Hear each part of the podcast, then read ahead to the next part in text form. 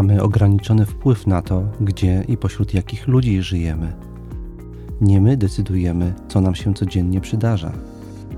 Od nas jednak zależy, jak to przyjmujemy i jakimi stajemy się ludźmi. Nazywam się Tomasz Mazur, jestem współczesnym praktykującym stoikiem i zapraszam do wysłuchania mojego podcastu ze stoickim spokojem.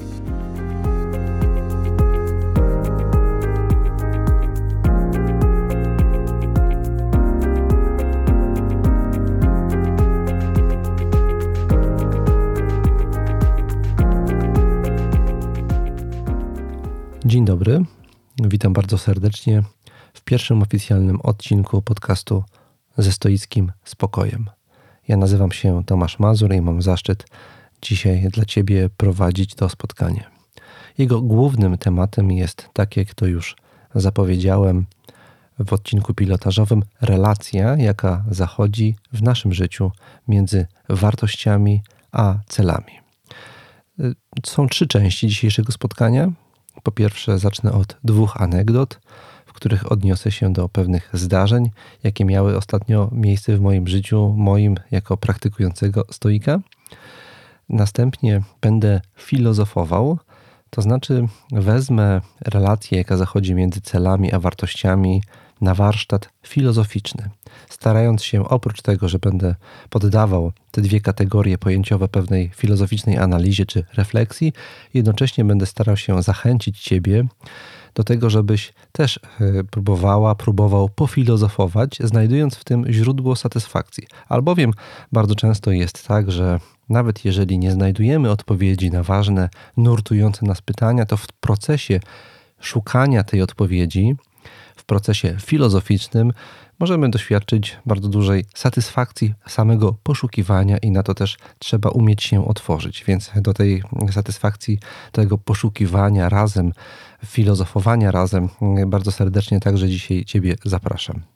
Trzecią częścią dzisiejszego spotkania, w trzeciej części dzisiejszego spotkania postaram się w sposób bardziej stoicki i jednocześnie praktyczny odpowiedzieć na pytanie o relacje między celami i wartościami w naszym życiu i co z tego y, na co dzień praktycznie dla nas, dla każdego z nas wynika.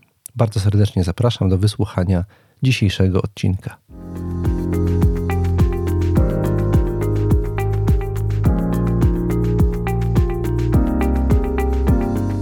A więc, tak jak obiecałem, przechodzę już teraz do anegdot, dwóch anegdot z mojego życia, Obie stanowią właściwie relacje z rozmów, jakie miałem z innymi współczesnymi praktykującymi stoikami. Pierwsza z tych rozmów odbyła się parę dni temu. Moją rozmówczynią była moja znajoma, która od mniej więcej dwóch, trzech lat aktywnie, intensywnie praktykuje stoicyzm. Ona udzieliła mi zaskakującej odpowiedzi na pewne dość standardowe pytanie, które jej postawiłem. Mm, zamiast po prostu spytać, jak jej się wiedzie, spytałem, jak tam jej praktyka stoicka codzienna, i ona mi opowiedziała, że ostatnio to głównie próbuje poradzić sobie ze szczęściem. E, I próbuje to zrobić po stoicku. I zupełnie poważnie to potraktowała, to nie był, to nie był żart. E, w dwóch obszarach jej życia powiodło jej się bardzo ostatnio, także ma wszelkie powody do radości i szczęścia. Po pierwsze w wymiarze zawodowym, po drugie w wymiarze osobistym. Jest to osoba, która po pierwsze prowadzi własną działalność gospodarczą i w tym obszarze właśnie ostatnio bardzo jej się udało, ma pełne ręce roboty. i pomysł na biznes okazał się dobrym pomysłem. Po drugie jest to osoba, która ma za sobą pewne przejścia w życiu osobistym, a teraz y, udało jej się od paru miesięcy odnaleźć w tym obszarze Y, spełnienie, radość i szczęście. Y, I zamiast potraktować obu tych doświadczeń, obu tych y, zrządzeń losu, bo w dużym stopniu tego rodzaju doświadczenia są efektem pewnego zrządzenia losu, nie tylko od nas jest to zależne, zamiast je potraktować jako po prostu powód do cieszenia się, do radowania się codziennością, ta moja znajoma czy uczyniła to przedmiotem bardzo intensywnego, codziennego treningu stoickiego. Ja spytałem ją, dlaczego tak robi. Ona powiedziała, że szczęście, że sukces w różnych dziedzinach, zresztą to jest zgodne z moim poglądem na ten temat, jest bardzo demoralizujący i zaburzający nasz sposób postrzegania rzeczywistości. My dużo gorzej radzimy sobie zazwyczaj z sukcesem niż z porażką.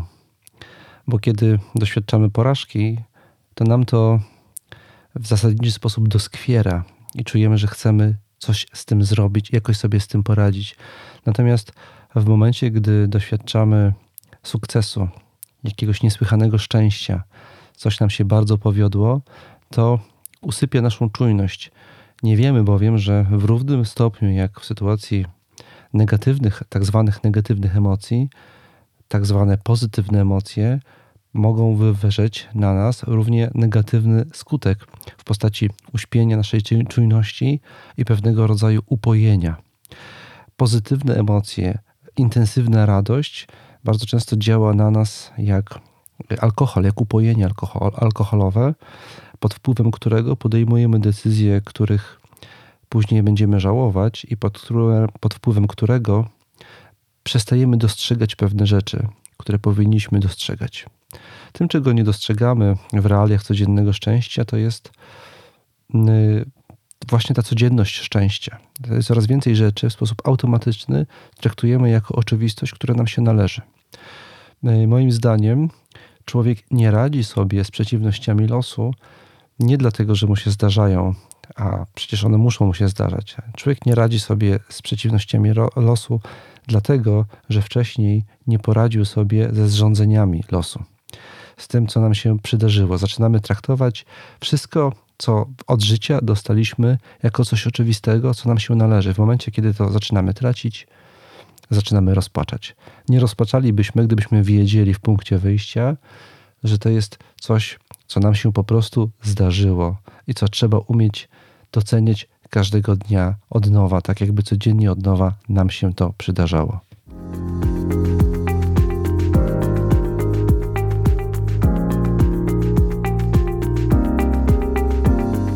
Dzisiejszy odcinek podcastu nagrywam w dość pogodną styczniową sobotę. Obudziłem się rano około ósmej. Zrobiłem sobie i żonie omlet, który obojgu nam bardzo smakował. E, spędziliśmy rano miłe chwile na lekturze w łóżku. Później poszedłem na dość długi, bardzo przyjemny spacer z psem. E, przed chwilą, tuż przed nagrywaniem bloga, zjadłem e, bardzo smaczną pomarańcz. To są wszystko drobiazgi, które na co dzień nam się przytrafiają i których jakości, urody zazwyczaj nie dostrzegamy, bo jesteśmy skupieni na tym, co się wydarzy jutro, co mamy ważnego do zrobienia. Podczas gdy to wszystko to są dary, którymi trzeba się umieć cieszyć. Iluż ludzi e, będą, znajduje się w zupełnie innym położeniu niż ja teraz. Wstają rano i na przykład coś ich boli, bo są na coś ciężko chorzy. Nie mogą iść na spacer z psem do lasu, na długi, piękny, upojny spacer z psem do lasu, bo mają jakieś ważne, pilne obowiązki, które muszą się poświęcić, bo doskwierają jakieś poważne problemy, jakieś bolączki życia, zaprzątają ich umysł. Nie mogą się temu poświęcić, podczas gdy ja mogłem dzisiaj te, te, spędzić te chwile. E, I y, umiejętność radzenia sobie ze szczęściem to, to jest umiejętność dostrzegania tych drobnych momentów w życiu i umiejętność cieszenia się nimi. Jak więc traktować szczęście, które nam się zdarza? Po pierwsze, nie traktować go za pewnik. Po drugie, obchodzić się z nim z czułością i ostrożnością. Bo jutro może go już nie być. A nie muszę dodawać jako stoik, że dla każdego z nas to jutro prędzej czy później nadejdzie.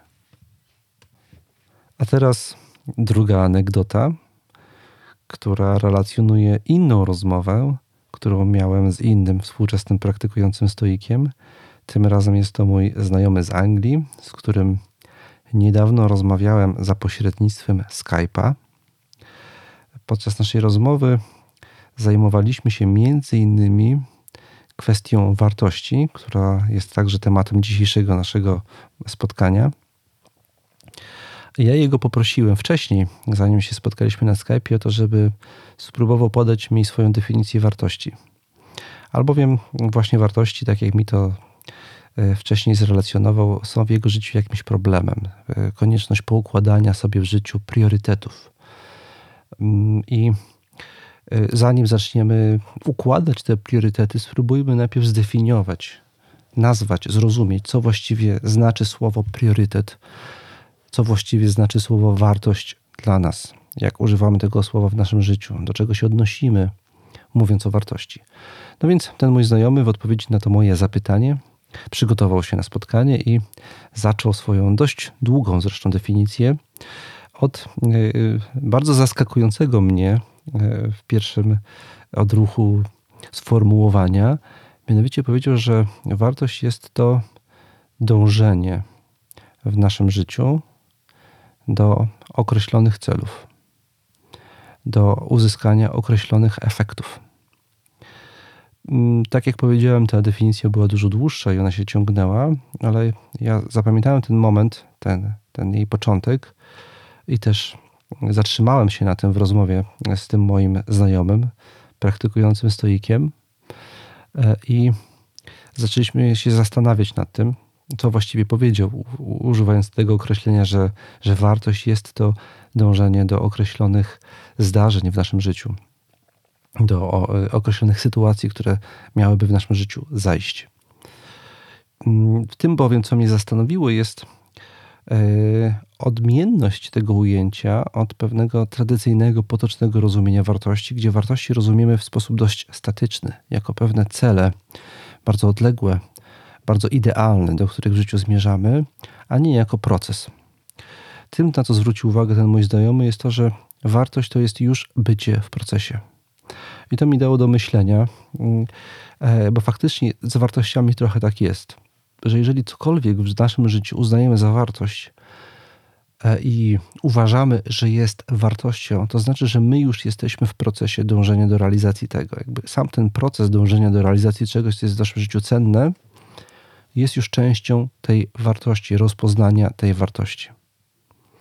Jest to o tyle ważne, ta konstatacja, którą przed chwilą wygłosiłem, dla mnie i w tej rozmowie też to wybrzmiało, jest to o tyle ważne, że bardzo często ludzie mówią, że coś jest dla nich wartością, podczas gdy, gdy nie poświęcają temu w ogóle w swoim życiu czasu, na przykład wymawiają się tym, wymawiając się tym, że odkładają to na później, bo teraz mają inne priorytety, ale że to też jest dla nich ważne.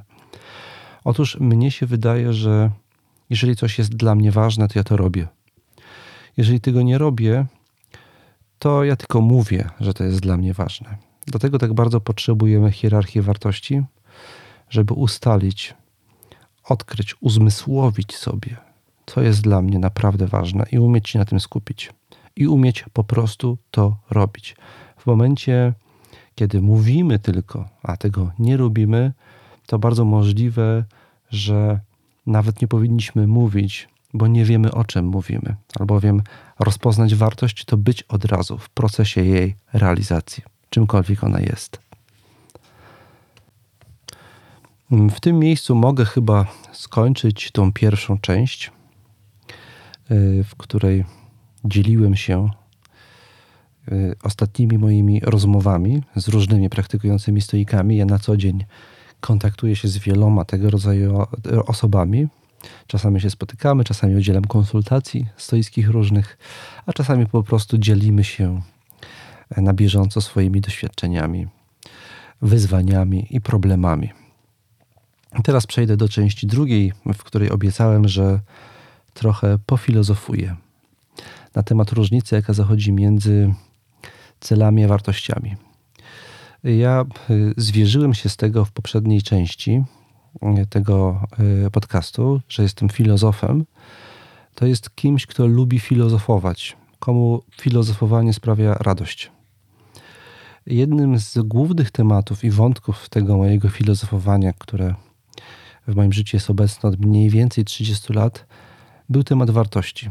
Ja temu tematowi poświęciłem bardzo wiele czasu, godzin, lektur, a także tekstów. E, jedna z moich książek w całości poświęcona jest tematyce wartości. Mówię o tym dlatego, żeby uprzedzić, że jest to tematyka, która, którą uważam za nie, niezwykle rozległą. E, powód tego jest bardzo prosty. Tej rozległości tematyki wartości. E, rozległości, której nie sposób wyczerpać, choćbym poświęcił temu tylko zagadnieniu cykl e, godzinnych wykładów codziennych przez cały rok. Powód, dla którego temat wartości jest tak rozległy, jest to, że jest to temat narzucający się człowiekowi jako istocie dokonującej wyborów. Wydaje mi się, że gdybyśmy mieli szukać definicji człowieka takiej, która by satysfakcjonowała wszystkich. Przypomnę, że tych definicji w historii filozofii i kultury zachodniej było bardzo dużo. Gdybyśmy mieli tak szukać takiej definicji, która y, możliwie zadowoliła wszystkich, która na pewno mnie zadowala, to ja bym upatrywał jej gdzieś właśnie w obszarze koncepcji wyboru. Człowiek jest istotą, która ma bardzo dużą swobodę dokonywania wyborów, to znaczy kierowania swoimi działaniami.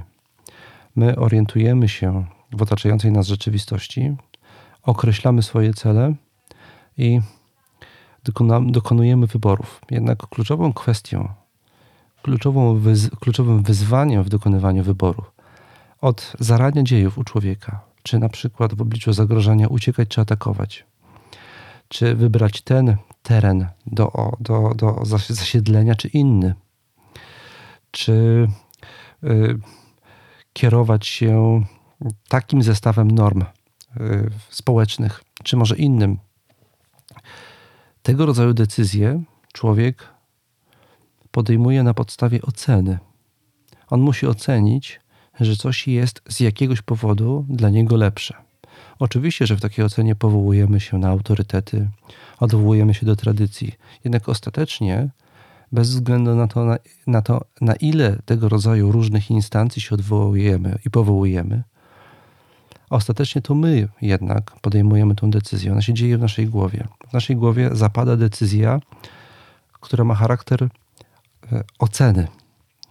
Decyzja, która ma charakter ewaluacji, e, rozróżnienia między dobrem a złem, większym lub mniejszym dobrem.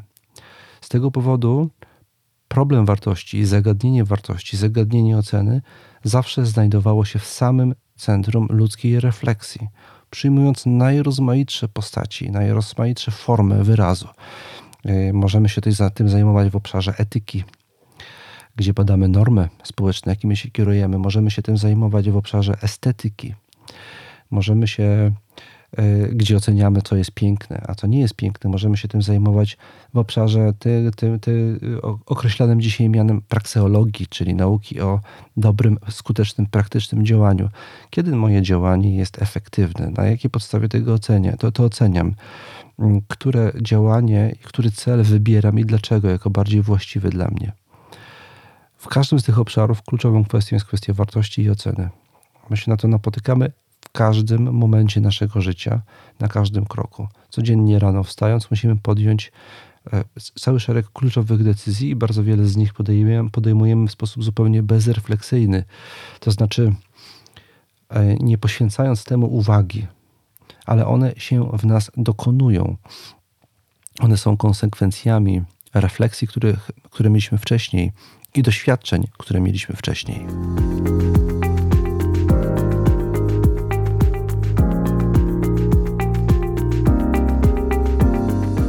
Moim dzisiejszym filozofowaniu na temat relacji, jaka zachodzi między celem a wartością, chciałbym skupić się na trzech problemach, czy wyróżnić trzy problemy.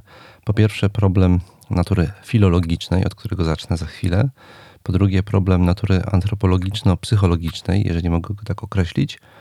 Wreszcie, problem sensu. Zacznę od tego pierwszego, tak jak powiedziałem, problem natury filologicznej.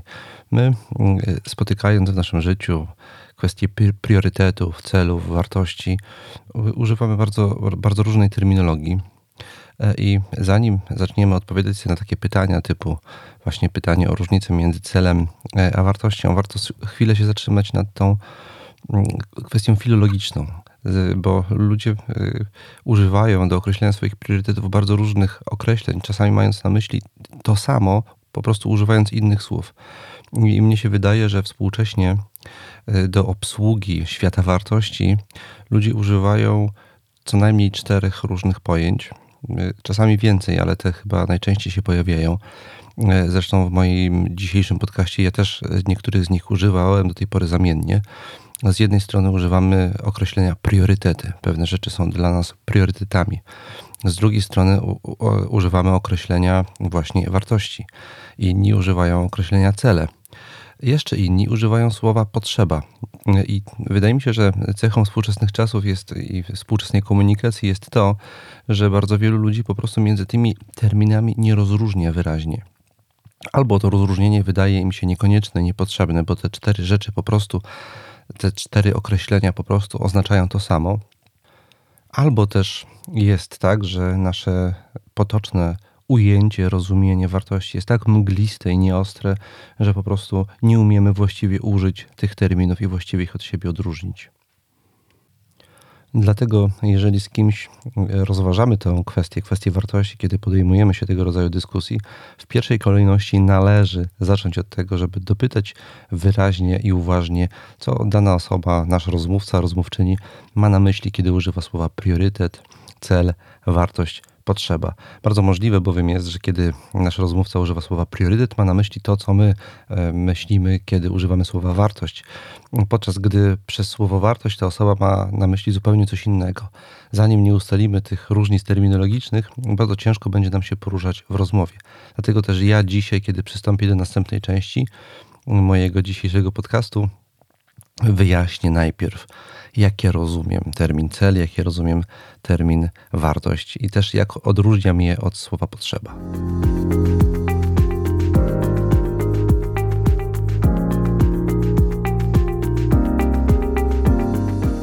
To była więc ta pierwsza kwestia filozoficzna, którą można zawrzeć w pytaniu o to, jak właściwie używamy słów, co kryje się pod pojęciami, których używamy, kiedy zastanawiamy się nad kwestią wartości, potrzeb, celów, priorytetów.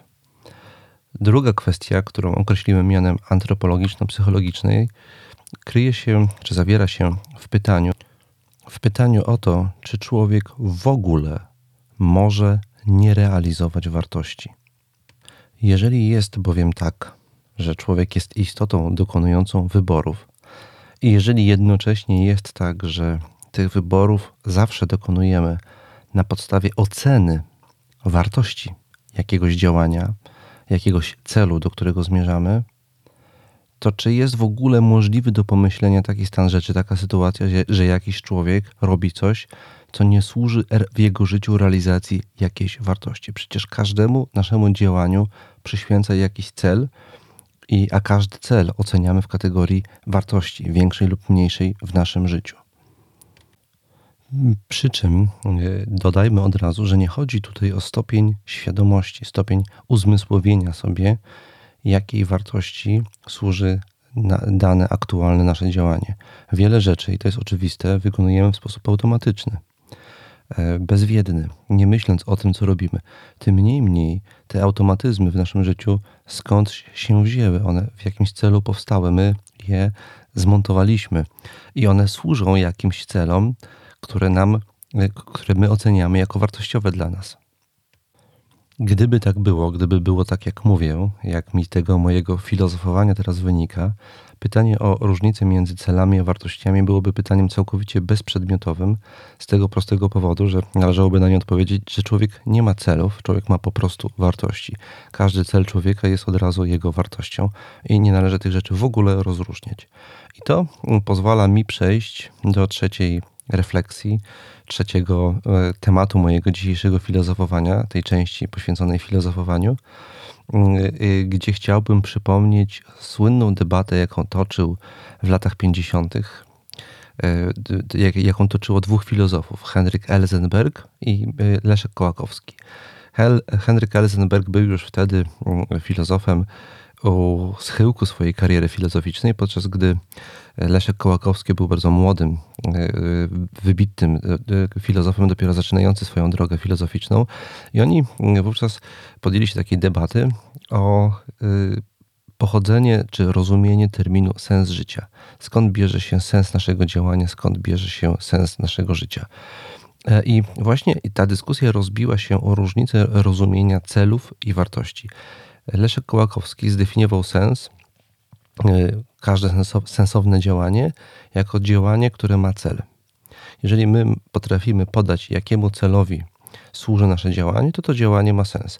Jeżeli nasze życie wypełnione jest działaniami, działaniami celowymi, to nasze życie jest życiem sensownym.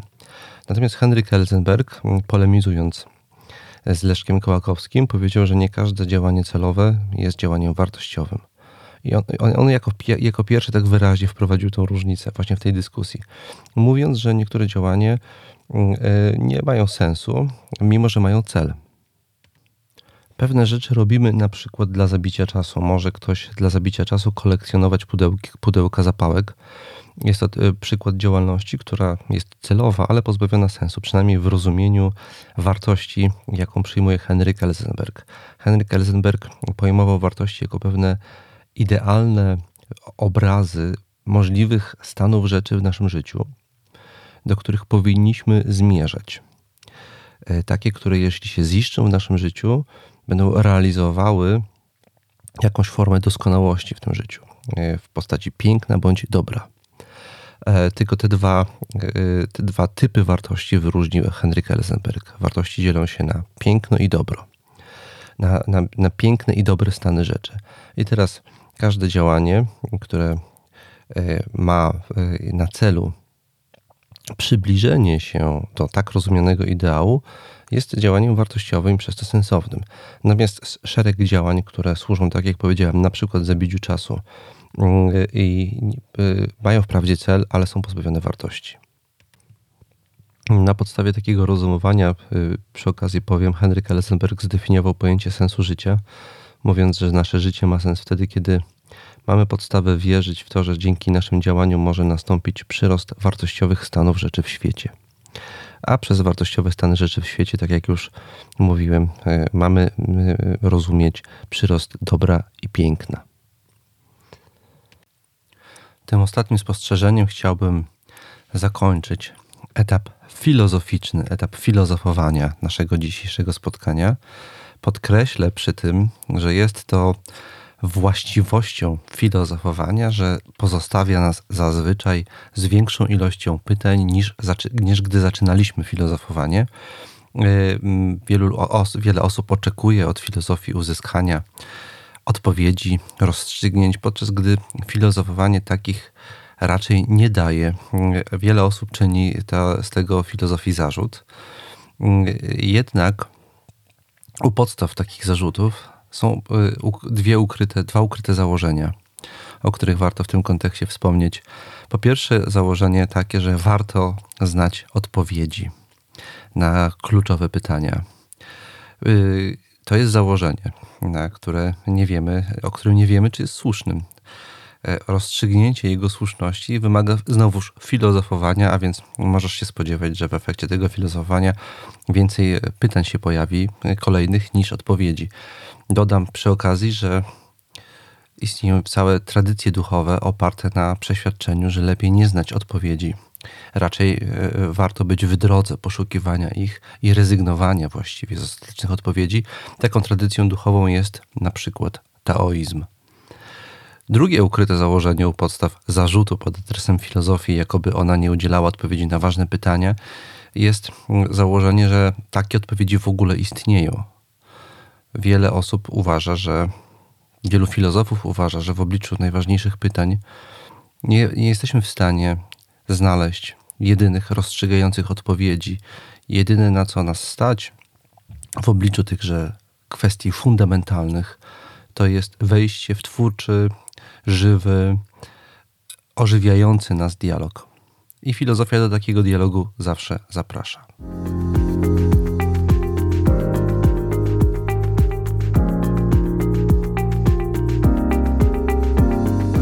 teraz przejdę już do ostatniej części mm, dzisiejszego spotkania, w której udzielę odpowiedzi na pytanie o różnicę między y, celami a wartościami. Odpowiedzi z perspektywy stoickiej, mojej perspektywy, jak ja to widzę jako współczesny praktykujący stoik. Będę się tutaj posiłkował pewną dodatkową kategorią filozoficzną, którą wprowadzam, żeby e, e, podać odpowiedź na to pytanie. Jest to kategoria optimum. Już wyjaśniam, jak ją rozumiem. Ja uważam, że my, e, jako istoty ludzkie, dążymy do zrealizowania w naszym życiu pewnego stanu optymalnego. Przez stan optymalny rozumiem połączenie dwóch rzeczy. Po pierwsze, wykorzystanie w możliwie najszerszym stopniu naszego potencjału, naszych możliwości, naszych spra sprawności, naszych talentów. Mm, wreszcie uzyskanie możliwie doskonałej realizacji zadań, które y, z wykorzystania tego potencjału wynikają. Połączenie tych dwóch rzeczy stanowi pewnego rodzaju wyobrażenie. Mamy pewne wyobrażenie optymalnego stanu, w jakim może się znaleźć nasze życie. Podam konkretny przykład. Takim optimum może być na przykład działalność polityczna dla kogoś, kto ma talenty e, polityczne, e, krasomówcze, talenty w rozwiązywaniu trudnych problemów, e, talenty w, we wchodzeniu w relacje interpersonalne z ludźmi w rozumienie tego, jakie są ich potrzeby. Załóżmy, że mam cały zestaw tego rodzaju sprawności, możliwości, potencjałów. Dla mnie ziszczeniem tego, tego, tego potencjału będzie działalność polityczna na najwyższym szczeblu. A więc takie wyobrażenie może mi przyświecać w moim życiu, że to jest mój właściwe, moja właści, moje właściwe optimum. Jak ma się do tak rozumianego optimum, przy czym dodam, że to optimum może człowiek sobie wyobrazić w sposób jasny, jako jasny, konkretny obraz, do którego zmierzamy, cel, do którego zmierzamy, taki ogólny, najważniejszy, ale możemy mieć także tylko przeczucie tego optimum. Bardzo wielu z nas dąży do czegoś w naszym życiu, nie mając e, całkowitej jasności, czym ten optymalny stan miał być. Miałby być, raczej kierujemy się tutaj intuicją. Ale w obu przypadkach mamy do czynienia z pewnego rodzaju wyobrażeniem, mniej lub bardziej uświadomionym sobie jasno, wyobrażeniem pewnego optymalnego stanu naszego życia. I ten optymalny stan jest punktem wyjścia mojej odpowiedzi na, na pytanie o różnicę między celami a wartościami. Przez wartość rozumiem cechy istotne optymalnego stanu rzeczy, optymalnego w naszym życiu.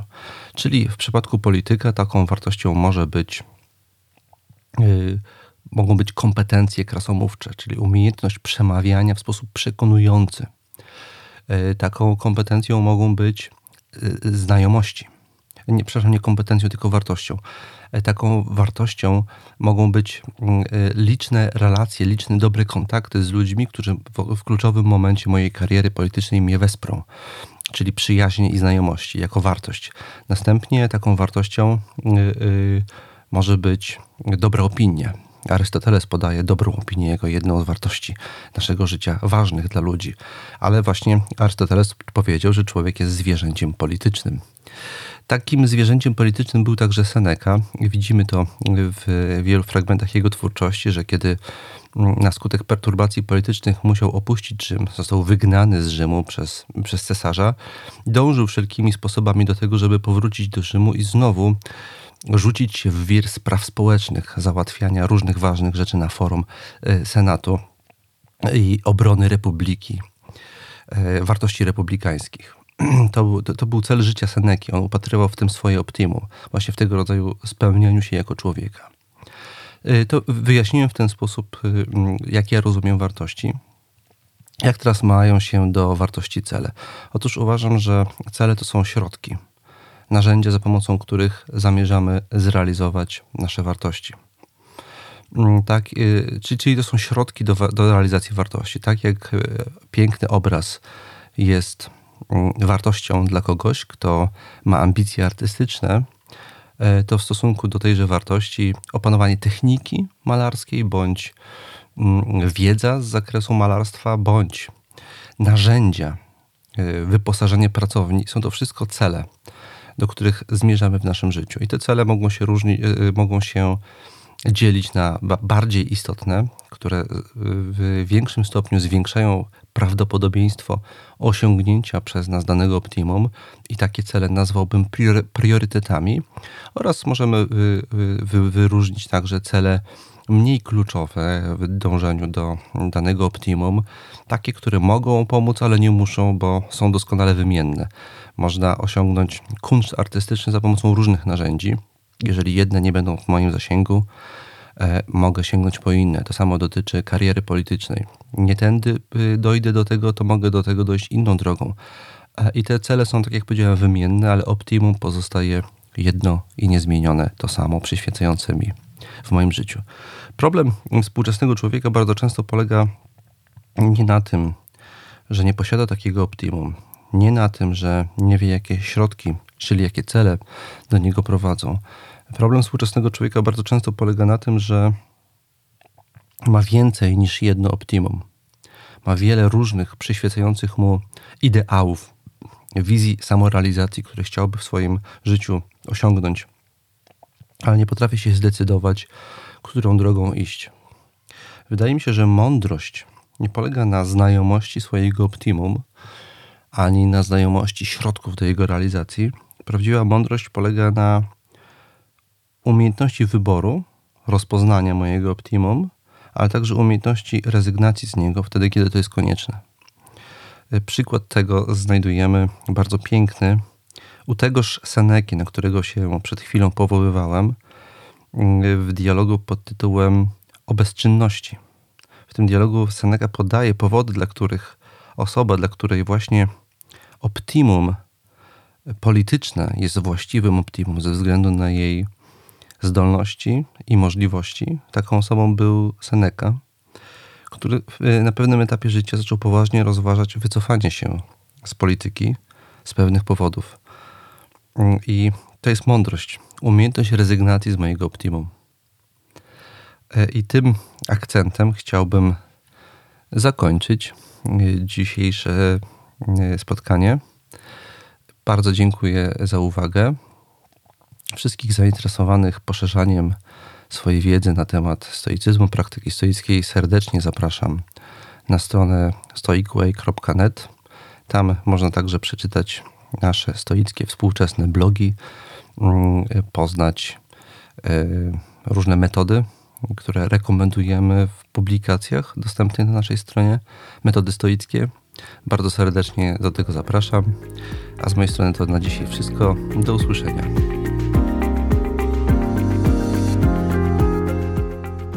Natura obdarzyła człowieka niezwykłymi możliwościami kształtowania własnej postawy i charakteru. Zamiast cierpieć i złorzeczyć, możemy nauczyć się przyjmować wszystko ze stoickim spokojem – i czerpać radość z każdej chwili.